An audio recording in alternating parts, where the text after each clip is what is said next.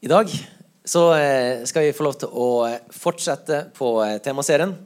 Vi har en, en, et tema der vi snakker om å binde sammen troa med livet vårt.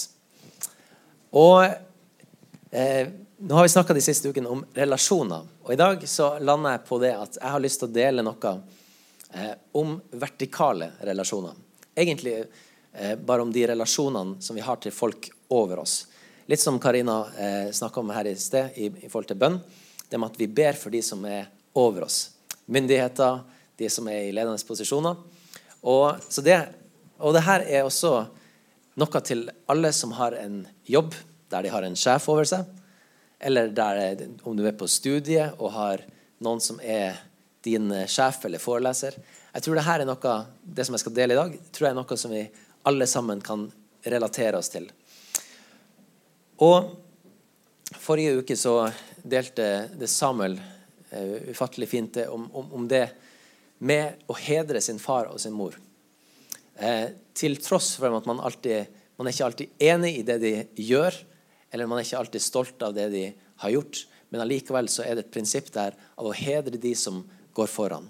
Av å hedre de som har gitt deg livet. Av å hedre de som sår inni deg.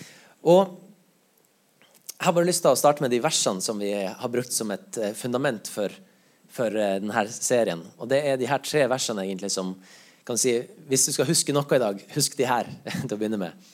Fra 2. Peters brev at vi skal sette all vår iver inn på å la troa vår føyes sammen med et rett liv.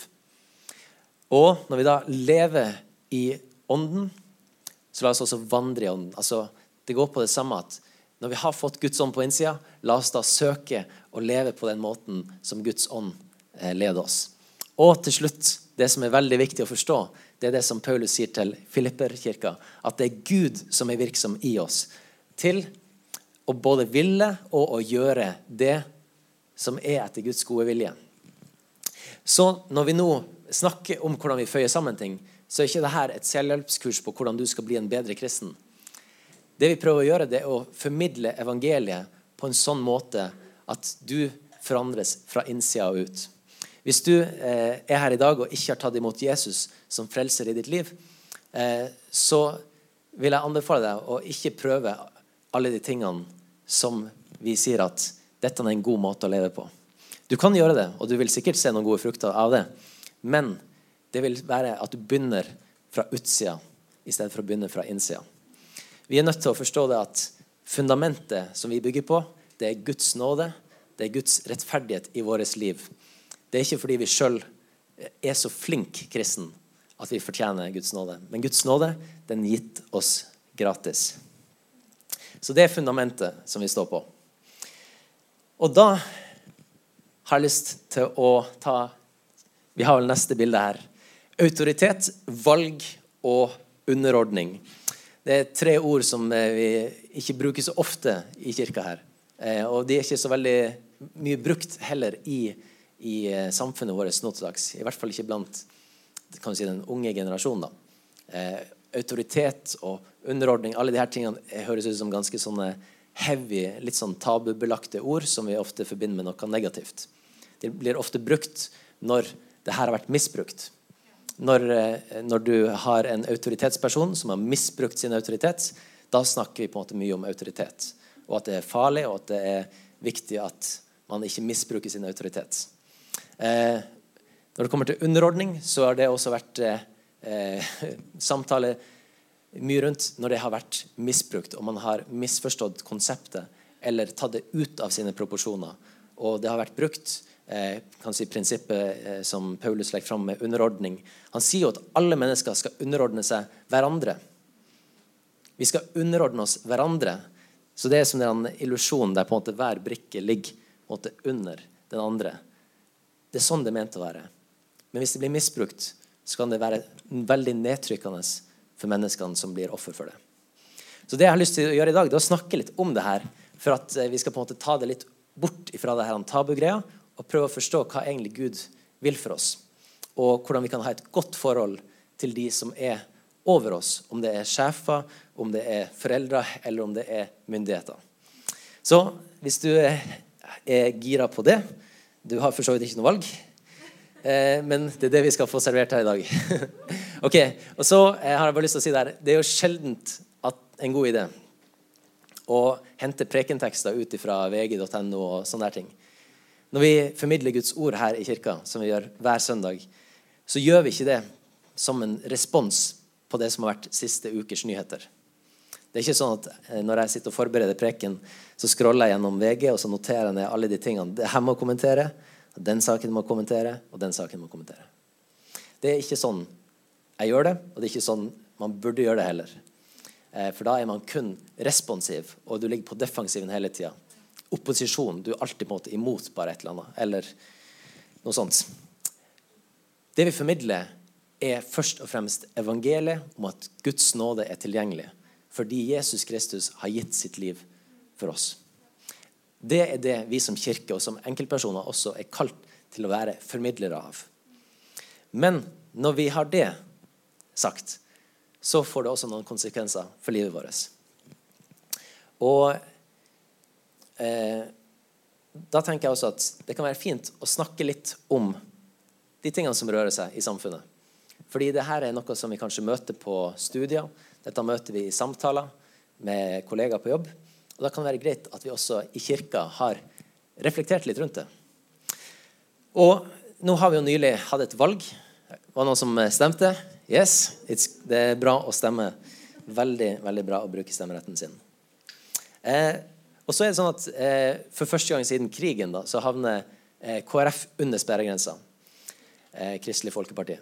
Nå er det ikke sånn at hvis du er her i kirka, så må du stemme KrF. Eh, det er ikke det. Men det heng med meg her. Eh, det sier litt om det politiske klimaet i samfunnet vårt. Eh, KrF har fronta kristen politikk eh, siden de ble grunnlagt i 1933 og vært en tydelig stemme i det politiske klimaet i Norge. Så har det også man sett at det har vært en, en, nedgang der. Og nå har vi på en måte kommet til et valg der vi ser at ok, nå er vi faktisk under sperregrensa. Hvis du ikke kjenner til valg og sånt, så får du google sperregrense senere. Men det her sier i hvert fall noe om det klimaet som er i samfunnet vårt, at det er et av de partiene som da fronter kristen moral og etikk, de er nå også under sperregrensa i landet vårt. Som er interessant. Men da tar vi opp 1. Timoteus 2. Og så kommer vi tilbake til hvordan det her henger sammen for oss. For der står det Paulus skriver at han formaner oss først, altså framfor alt, til å bære fram bønn og påkallelse forbønn og takk for kristne mennesker. Nei, for alle mennesker. Unnskyld. Be for KrF og alle be, for konger og alle i ledende stillinger. Så vi kan leve et stille og fredelig liv med Guds frykt og verdighet i alt. Dette er godt, og noe Gud, vår frelse, gleder seg over. Han som vil at alle mennesker skal bli frelst og lære sannheten å kjenne. Paulus han tar et ganske radikalt standpunkt her. På, på den tida som han skriver det her, så er det ikke akkurat et uh, veldig sånn rosenrødt klima hos de han skriver det til. De er under et ganske undertrykkende regime. Og vi ser også eh, Jesus eh, får også noen spørsmål i forhold til det her. I forhold til på en måte, skal vi, skal vi tjene keiseren, eller skal vi tjene Gud? Og Jesus gjør en ganske genial ting. Han sier at du skal gi keiseren det som keiseren skal ha. Men så skal du gi Gud det som Gud skal ha. Det var den mynten som de skulle betale i skatt. På den mynten så sto det skrevet 'Nero, Guds sønn'. Og det var regna som en tilbedelse av keiseren når du ga denne skatten. Det reagerte de, de kristne og jødene på. At ja, men vi kan jo ikke gi det her. Det her er jo en tilbedelse av Nero. Vi anerkjenner han som Guds sønn. Og Da stilte de spørsmålet til Jesus. Og Jesus sier ok, gi denne mynten i skatt. Gjør det som dere skal gjøre. Men ikke la det være deres tilbedelse. Skill her. Gjør et skille. Vær gode borgere, men ikke gi keiseren, kongen, myndighetene det de ikke skal ha. Tilbedelsen vår. Men vi er kalt til å be for alle i ledende posisjoner. Og Gud han vil at alle mennesker skal bli frelst. Det gjelder også de som er i ledende posisjoner. Andreas Hegertun, eh, en av pastorene i Philadelphia i Oslo, han, eh, han, eh, før valget så hadde han en, en, video der han forklarte litt hvordan vi som kristne kan tenke i forhold til det her med politikk. Og Jeg syns den var så bra at jeg har lyst til å, å låne den av han til å sette litt sånn perspektiv på hvordan vi som kristne kan tenke i forhold til det her. Kristen etikk og moral. Se for deg en sirkel. Ikke et hjerte, det er litt for klisjete. En sirkel. En liten sirkel. Inni her så har vi plassert det vi kaller kristen etikk og moral. Det som vi definerer inni her, det er det vi snakker om når vi føyer troa vår sammen med et rett liv. Det er de tingene som Bibelen lærer oss. Så inni denne sirkelen så er det Bibelen som har autoritet. Det er de tingene som det står der, vi appliserer til livet vårt. Utafor den sirkelen så har du en større sirkel. Det er det vi kaller si, lovverket, eller der staten har sitt domene, sin plass. Så er det en del ting som kan være utafor den lille sirkelen, men allikevel innafor i den store. F.eks. utroskap. Det i den norske lova det er ikke ulovlig å være utro mot den man er gift med. Men det er allikevel utafor det man regner som kristen etikk og moral. Og Det havner i kategorien i mellompartiet her, som er synd. Så det som er utafor den lille, det definerer vi som synd. Det som er utafor den store, er lovbrudd. Så når vi da jobber med, når vi forkynner her i, i, i kirken og forholder oss til et samfunn, så må vi skjønne at det som vi formidler, det er egentlig inni denne lille sirkelen. Eh, du begår ikke nødvendigvis lovbrudd i landet hvis du går utafor det. Men i forhold til din relasjon med Gud så er det noen ting da som vi må omvende oss ifra. Så vil det alltid være eh, forskjeller på hvor, hva du, man vil definere som innafor og utafor de her sirklene. Eh, det å stjele er f.eks. utafor begge sirklene. Både en synd og et lovbrudd. På partier da, på forskjellige Eh, sider så vil man være uenige om og diskutere på en måte hvor mye skal staten styre, eller hvor mye skal den troende autoriteten styre. I land med sharialov eksempel, så sier man at statens lovverk presses sammen til det som er den religiøse loven. Og alt som da er utafor den lille sirkelen, er lovbrudd. Dit ønsker vi ikke å komme. Fordi vi ønsker ikke som kristne, og det som jeg formidler og vi formidler her, det er ikke noe som vi forventer at samfunnet rundt oss skal forholde seg til. På den måten at vi legger en liste her i forhold til kristen etikk og moral og forventer at de som ikke er kristne, skal holde den. Så vil vi heller ikke nødvendigvis at den kristne sirkelen vår skal bare utvides, sånn at det er staten som skal regulere hva som er synd, og hva som ikke er synd. Der er det en, kamp på gang i forhold til måte, hvor mye skal vi som kristne få lov til å definere, eller hva, hvor mye skal Bibelen få lov til å definere hva som er rett for kristne. Så det kan være greit å bare ha eh, Jeg skal ikke bruke for mye tid på det, men å ha på en måte den forståelsen der i bakhodet at, at når vi snakker om de her tingene, så er det ikke det at vi skal prøve å endre lovene i Norge. Men det vi ønsker å gjøre, det er å formidle evangeliet som gjør at mennesker får livene sine forvandla Sånn at vi ikke trenger egentlig de lovverkene. Vi, vi trenger de, men vi skulle ønske at vi ikke trengte de. Hvis alle hadde levd innenfor den innerste sirkelen, så hadde vi ikke trengt regler mot stjeling, f.eks. Hvis hvis ingen stjal, hvis det ikke var et problem overhodet, så ville vi ikke trengt det lovverket. Men nå vet vi at selv kristne er jo ikke perfekt. Det, det er ofte en sammenheng der med at, at de som er lite perfekt, de ser at de trenger en frelser. Og de er desperate etter Jesus. Fordi de ser at jeg har levd livet mitt så langt borte fra Gud. Jeg har gjort så mye galt. Jeg klarer ikke det her. Jeg klarer ikke å være min egen rettferdighet. Og de blir desperat etter Jesus og tar imot frelsen og blir forandra fra innsida ut. Mens de som da Det kanskje finnes flest av de som tenker at nei, men jeg, jeg er ikke så verst. Jeg har det ganske greit. Jeg er en ganske bra person, egentlig. Jeg tror kanskje ikke jeg trenger han der guden. Jeg tror ikke på det engang. Så her må vi se at det er ikke nødvendigvis eh, hvor mye eller lite synd man har i livet sitt, som avgjør om du er en kristen eller ikke. Men det er det som er på innsida. OK. Oi, oi, oi. Jeg må drikke litt vann. Ja, det må ikke bli for tørt. Altså, Å komme opp og preike etter at Williams har delt om kollekten, det er jo som å hoppe etter Wirkola. Men eh, det er fantastisk. La meg bare fortsette litt til, da. Ok. Eh, løgn. Det er utafor den lille sirkelen, synd. Innafor den store sirkelen, eh, som oftest. Løgn kan også være lovbrudd hvis det er store nok og alvorlige nok ting. Alkoholmisbruk, det er utafor den lille sirkelen. Det er synd. Men av og til kan det nesten oppfattes som samfunnet vårt oppfordrer oss til å bare ta én pils til. Drikk litt mer. Bli med på én fest til.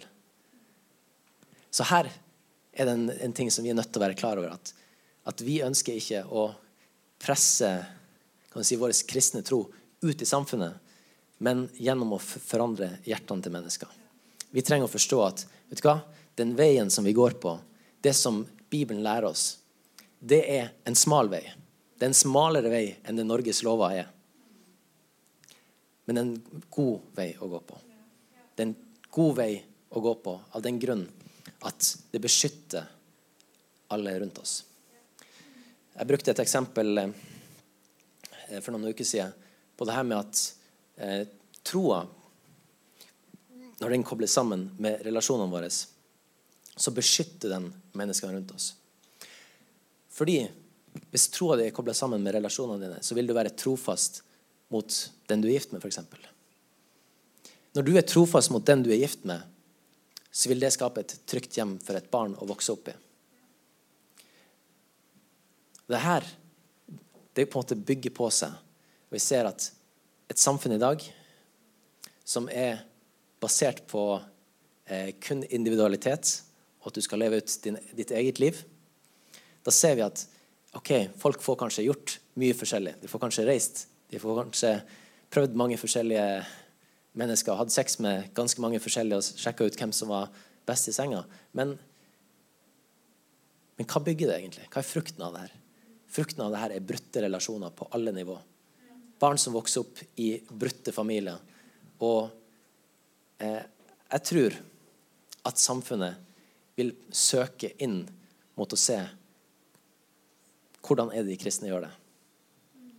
Fordi de ser frukten av det. Når de ser frukten av trofasthet, at det er godt, det er trygt, det er sunt, så vil man søke til det. Av og til så må man bare veldig langt bort før man får perspektivet til å se at det var kanskje bedre der borte. Ok, men eh, la oss gå videre til neste slide, der vi har ordet opposisjonskristen. Si opposisjonskristen. Ja, dere sleit litt. Det er bra. Vi er, har jo vært i valg, og liksom, opposisjon det er et ord som er brukt veldig mye.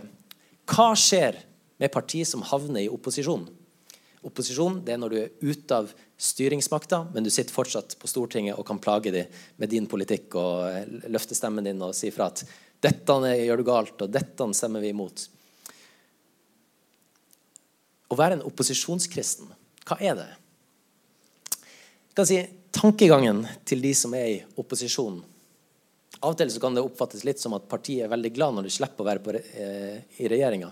Det sånn Ja, det var synd vi ikke kom inn i regjeringa, men da skal vi være et sterkt opposisjonsparti. Vi skal i hvert fall gjøre en god jobb her i opposisjonen. Det er nesten bedre at vi får være i opposisjon, at vi fikk så lite stemme at vi kan være her ute og bare ikke ha ansvar, men vi kan bare, liksom, eh, kan bare pushe en politikk uten å ha ansvar for noen ting. Og det kan være ei hvilepute for et parti å være i opposisjon. Fordi du får fortsatt eh, si din mening, men du har ikke noe ansvar i forhold til hvordan ting skjer. Jeg tror at som kristne så kan vi fort havne i denne eh, bobla, eller på denne sida sjøl, at vi blir opposisjonskristne. Og jeg skal forklare hva jeg tenker. Du får en slags offermentalitet på den måten at du blir satt på sida. Du tar ikke lenger ansvar fordi du har ikke lenger ansvar, men du står i hvert fall støtt på ditt. Og du kan løfte stemmen din og fortelle om alt som er galt med de som styrer. Alt som er galt med verden vi lever i. Og du har jo svaret, så hvis du hadde vært i den som styrte, så hadde jo alt vært bra. Men du er ikke den som styrer. Og derfor er alt dårlig. Som kristen, hvis vi har en mentalitet som det der, at vi Nei, vi er nå i mindretall, og hvis nå bare vi hadde Hvis nå bare alle hadde vært som meg, så hadde jo alt vært bra. Men eh, pga. alle de der borte, de som styrer, pga. de ikke-kristne som er i regjering, så er landet sånn som det. Og vi havner fort da i en, sånn, en litt sånn kjip posisjon her, der vi alltid bare skylder på de andre fordi vi er i opposisjon. Og la meg eh, si der Ja, vi kan være i opposisjon på noen måter. At vi ofte er i mindretall, eller kanskje føler oss litt som på sida. På den barne- og ungdomsskolen som jeg gikk på, så var jeg eneste kristne i klassen min og på ungdomstrinnet hele tida. Og kjente meg veldig sånn, si, litt sånn i opposisjon. da. Det var ikke veldig mange som, som hørte på meningene mine. Og jeg starta en ny generasjonsgruppe to ganger uten å starte opp. Jeg fikk bare støtte til å starte opp fordi jeg var så ivrig på konferanser. Så kom jeg hjem til hverdagen, og så nei, var det litt tungt allikevel. Og du føler deg veldig i opposisjon fordi det er sånn Det er tungt. Og det har jeg full respekt for, og det har jeg sjøl kjent på kroppen at det er tungt å være tilsidesatt eller i mindretall. Men vi må gjøre forskjell her på det å være i opposisjon i samfunnet og det å være i åndelig opposisjon. Fordi vi må forstå hva det er vi har. Vi må forstå hvordan posisjon Gud har satt oss i. For det er ikke sånn at Gud har tenkt at alle kristne skal stå på sidelinja og bare peke på hva som er galt med regjeringa som ikke følger Bibelen, Guds ord. Det er ikke sånn det er. Det er en veldig lettvint måte å være kristen på. Og på en måte, for å si det litt hardt og stygt, så er det en slags feig måte å være kristen på. Fordi du står på sida uten å ha ansvaret for hvordan ting skal fungere, men du bare påpeker alt som er galt. Som kristne så er vi kalt til å være i posisjon, til å være lys og salt i verden. Og selv om vi da alltid ikke sitter i regjering, så kan vi få lov til å være med og påvirke på en positiv måte. Fordi Gud han har gitt oss sin ånd, en ånd som ikke er motløshetens ånd, men som er kraftens ånd, visdommens ånd og kjærlighetens ånd. De tre områdene der de er vi kalt til å være frimodige på. Du kan si at ja, jeg er kanskje i mindretall, men vet du hva? Gud har satt meg i posisjon. Jeg er i posisjon i klassen min. Jeg er i posisjon på jobben min.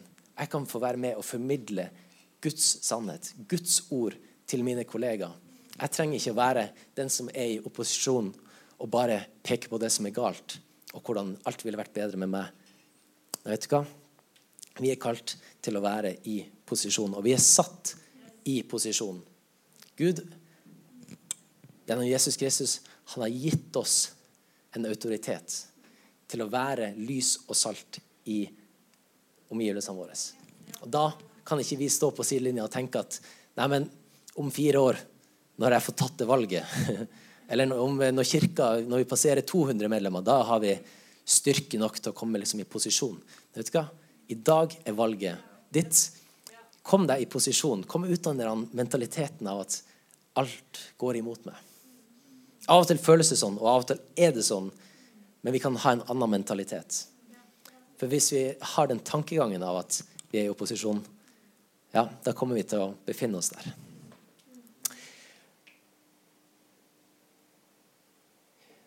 Og da er det nødvendig å forstå at det som vi er bærere av Om det enn så kan føles litt smalt og lite At de tingene som vi snakker om, hvordan, vi kan, hvordan skal vi behandle våre ledere? Hvordan skal vi behandle vår myndighet? Der kan du ofte føle at du er litt isidesatt. Når du på arbeidsplassen sier at Nei, jeg ber for alle mine fiender. Jeg ber for alle sammen uansett. Jeg takker Gud for alle partier. Hvis du hadde sagt noe sånt, så tror jeg det hadde blitt ganske stille rundt lunsjbordet. Sånn, det der er veldig unaturlig i norsk setting. Det er veldig unaturlig generelt. Å be for de som du ikke er enig med. Vi støtter jo de lagene vi heier på. Det er jo ikke sånn at, eh, at når Rosenborg og, og TIL spiller, at du går på Alfheim stadion med Rosenborg-flagget. Nei, du gjør jo ikke det. Du tar jo med deg tilskjorta. Nå treffer jeg noen såre punkt her. Men vet du hva? Vi er faktisk kalt til å be for alle. Selv altså, Når, når han formidla det her, så var det myndigheter som undertrykte dem, som forfulgte dem. Og allikevel så får de høre at ja, men det riktige å gjøre, det som er innafor den sirkelen her, det du skal gjøre. Be for dem. Takk Gud for de. For det er godt, og det er velbehagelig for Gud at vi gjør det. Og det vil komme tilbake til at vi får ha et godt land å bo i. Og Norge eh, Vi har et fantastisk land.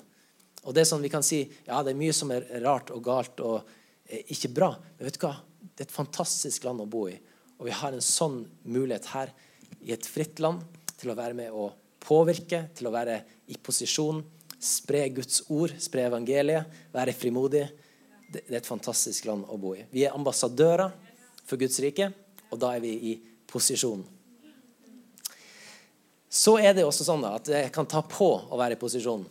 Det er jo også en sånn Når nå noe eh, Høyre etter åtte år i regjering da, skal gå av, så er det jo nesten På en måte så kan du se litt sånn i intervjuene at Ja, nei, nå har vi jo vært åtte år i regjering, så det, det skal bli deilig å få lov å, å trekke pusten litt. Og jeg kan forstå det. fordi når du er i lederens posisjon, så er du nødt til å håndtere alle kompromiss. Du er nødt til å håndtere veldig mye. Og det kan være slitsomt, fordi du er nødt til å forholde deg til at, at det er ikke kun dine meninger som får plass. Du er faktisk ansvarlig for at det går godt med alle sammen. Og det kan ta på å være i posisjon. Som kristen, hvis du er i posisjon, så vil du også oppleve at du blir nødt til å strekke deg. Du blir nødt til å tenke litt videre. Du blir nødt til å sette deg inn i kan du si, din politikk, hvis du henger med. Sett deg inn i Guds ord for å forstå hvordan kan jeg være i posisjon for Guds rike og samtidig eh, ha det godt med menneskene rundt meg. Hvordan kan, når jeg er i posisjon, hva gjør jeg da for å sikre at arbeidsplassen min, at studiemiljøet mitt, har godt av det? At de vokser, at det er frukt, at det er godt fordi at du er i posisjon. Det betyr at det sannsynligvis ikke er at du skal stille deg opp på en stol og rope alt som er galt, og 'synder, det er galt'. Omvend deg! Jeg tror ikke det blir den beste frukten ut av det. Men med å være salt, f.eks. Salt konserverer. Salt gir smak. Jeg tror vi som kristne vi vi kan spice opp litt tilværelsen vår litt ekstra. Vi kan være de som er salt inni et miljø som prøver å konservere, dvs. Si forhindre forråtnelse. Sørge for at, at, ting blir bedre, at det er en bedre smak, en bedre lukt av det miljøet du er en del av. Ok? Det ble litt metaforisk, men det er fint. Så la oss da gå til Peter, første Peters brev, og se hva han sier om myndigheter av oss.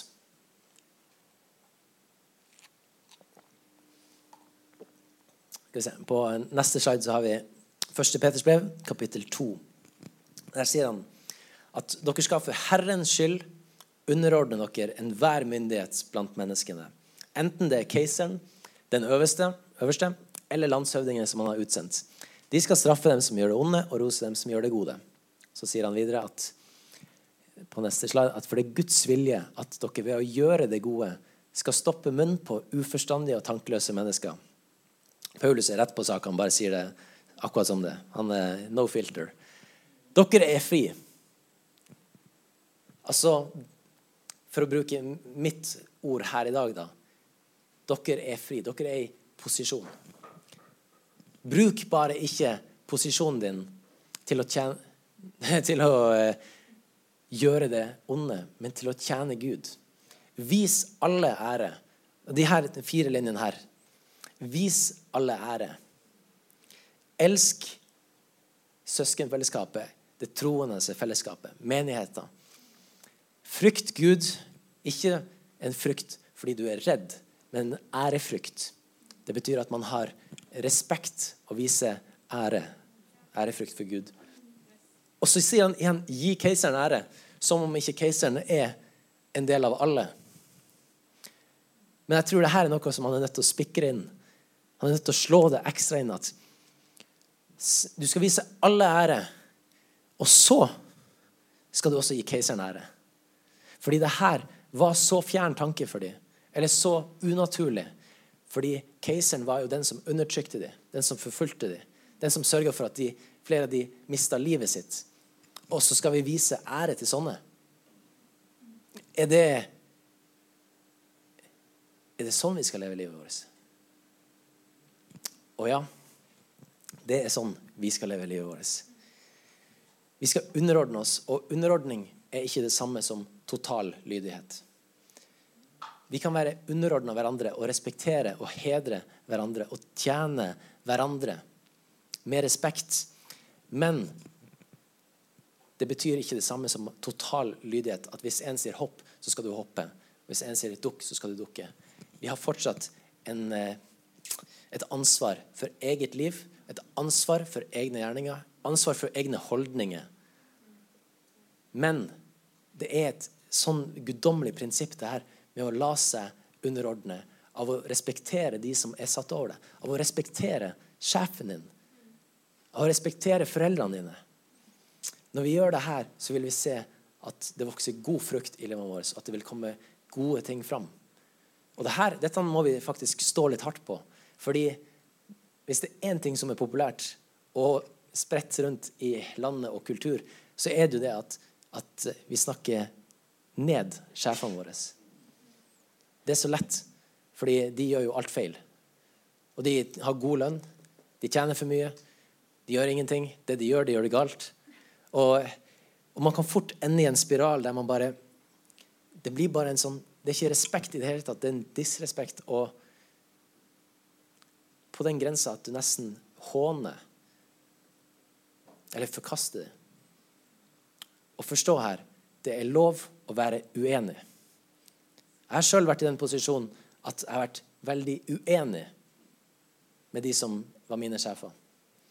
Det betyr ikke at man ikke respekterer dem, eller at man ikke skal hedre dem, eller forstå at den posisjonen som de er i, er mer krevende enn den posisjonen som jeg er i. Så det er det her med underordning. Å være villig til å la de som står over, få heder og ære for det. OK?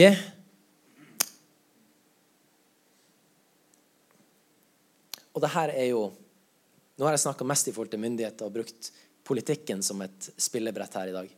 Men også i forhold til menighet og kristne sammenhenger så er det mange eh, historier av godt lederskap. Mange fantastisk gode forbilder. Og så er det dessverre også mange dårlige forbilder på hvordan man har eh, praktisert dette i forhold til autoritet, eh, underordning. Og man, en del mennesker som har blitt såra av det, og som rett og slett har brukt lang tid på å måtte gjenoppbygge sitt forhold til Gud og autoriteter. Men jeg har lyst til å ta med det her også fra 1. Peters brev, der Peter snakker til lederne.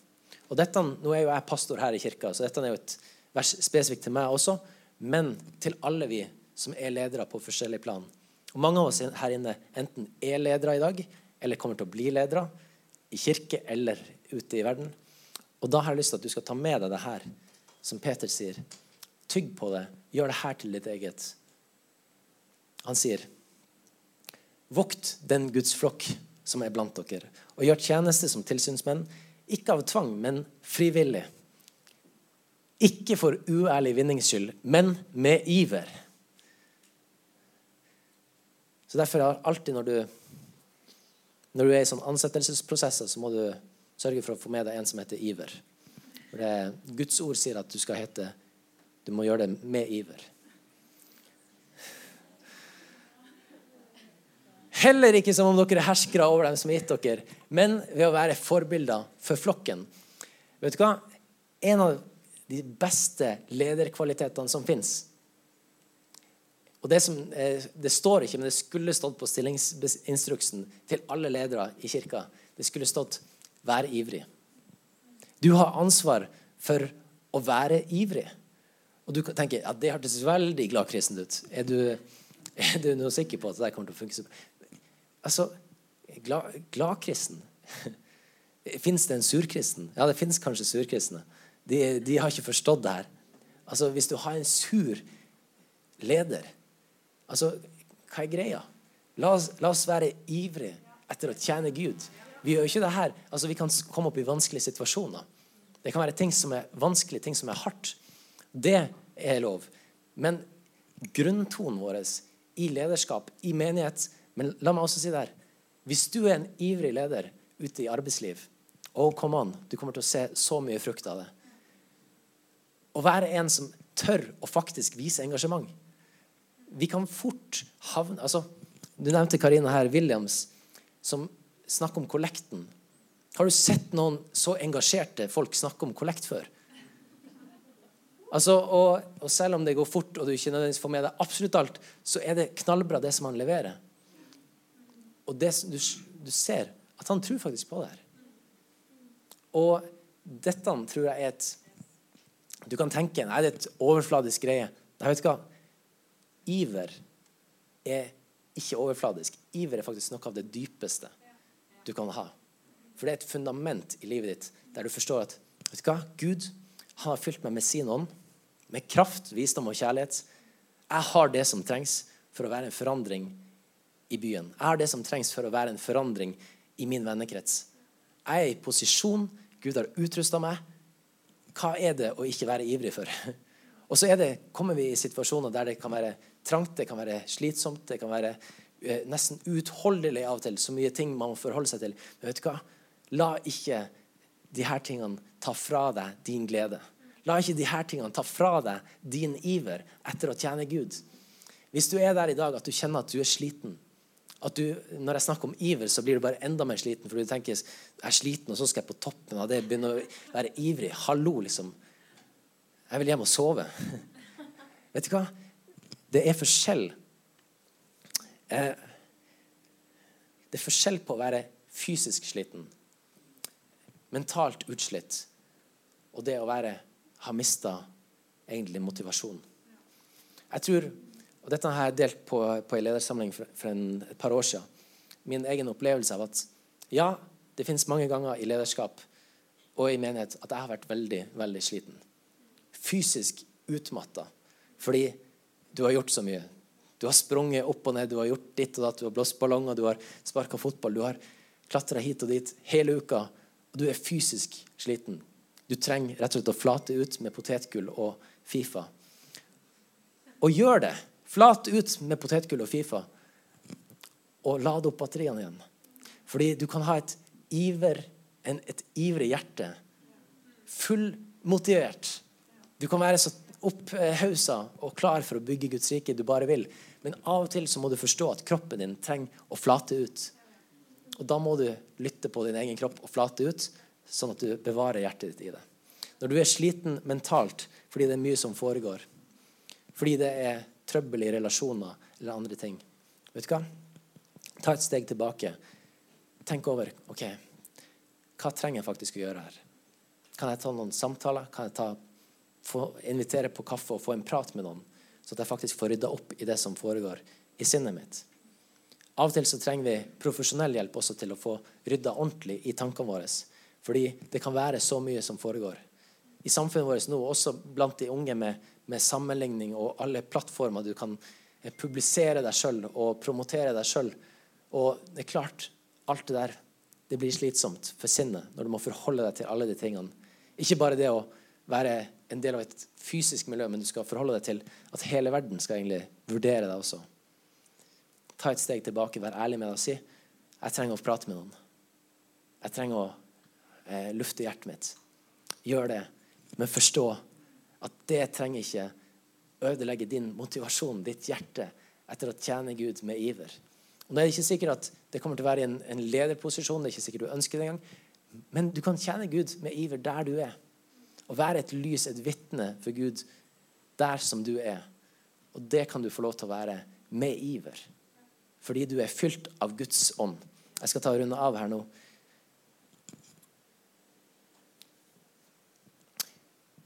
Og vi må forstå det her at, at det her som er delt Nå ble det litt Det ble litt mye politikk eh, og, og, sånt. Men jeg håper du forstår eh, hjertet mitt og tanken min bak å dele det her. At vi som kristne, selv om ting kanskje ser litt rotete ut i verden rundt oss, så må vi forstå at vi kan leve ut troa vår i relasjonene, som kanskje er smalt. Når vi sier at vi skal be for myndighetene, så er det ganske smalt. Du blir ikke kasta i fengsel hvis du ikke ber for myndighetene. Men allikevel kan vi si at hvis du, hvis du ikke ber dem, hvis hvis du ikke velsigner dem, hvis du forakter dem, håner dem, så har du allikevel missa på, på, Guds plan. Og Da trenger vi å, å se til hjertet vårt og omvende oss fra det og si OK, Herre, jeg omvender meg fra min måte å omtale sjefene mine på. Jeg vender meg om fra min måte å håne regjeringa på. Jeg vender meg om til og jeg ønsker å følge din vei, Herre, og be for dem, velsigne dem, selv om jeg er uenig med dem. Jeg kan lufte min stemme og si at det og det og det er feil. Det ønsker jeg forandring i. Men Herre, jeg ønsker å respektere dem, jeg ønsker å hedre dem. La det være vår vei å skape forandring på. Vi er ikke kalt til å gå med, med kjepper og staver og føre en fysisk krig. Det er ikke det vi skal overhodet. Vi er kalt til å gå i forbønn for våre ledere. Til å gå i forbønn for de som skal styre landet. Den nye regjeringa. Den nye settinga med kommunestyret og alle de som er over oss. Og Dette er jeg veldig frimodig på å si at hver en som ber for og støtter og snakker varmt om ledere, de trenger det. Jeg trenger det. Kommunedirektøren trenger det. Thomas og Katrine som seniorpastorer i OKS, de trenger det. De trenger din forbønn. Du trenger å be for dem. Jeg trenger å be for dem, fordi det forandrer mitt hjerte.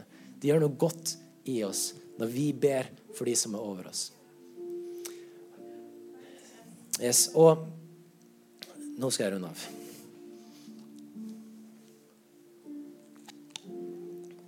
Hver gang vi har gudstjeneste i OKS, så ønsker vi også å gjøre en invitasjon til å si ja til Jesus.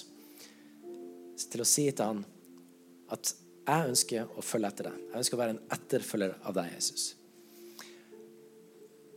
Det står i Bibelen at dersom du med din munn bekjenner og ditt hjerte tror at Gud har oppreist Jesus fra de døde, så skal du bli frelst. Og dette er egentlig første steget. Før vi begynner med alle de forandringene i livet vårt, før vi prøver å gjøre oss til bedre mennesker, så må vi forstå at Gud ønsker å bytte ut vårt steinhjerte og sette inn et nytt hjerte. Et nytt hjerte med liv, med Guds ånd. Og det vil føre til forandring i livet vårt.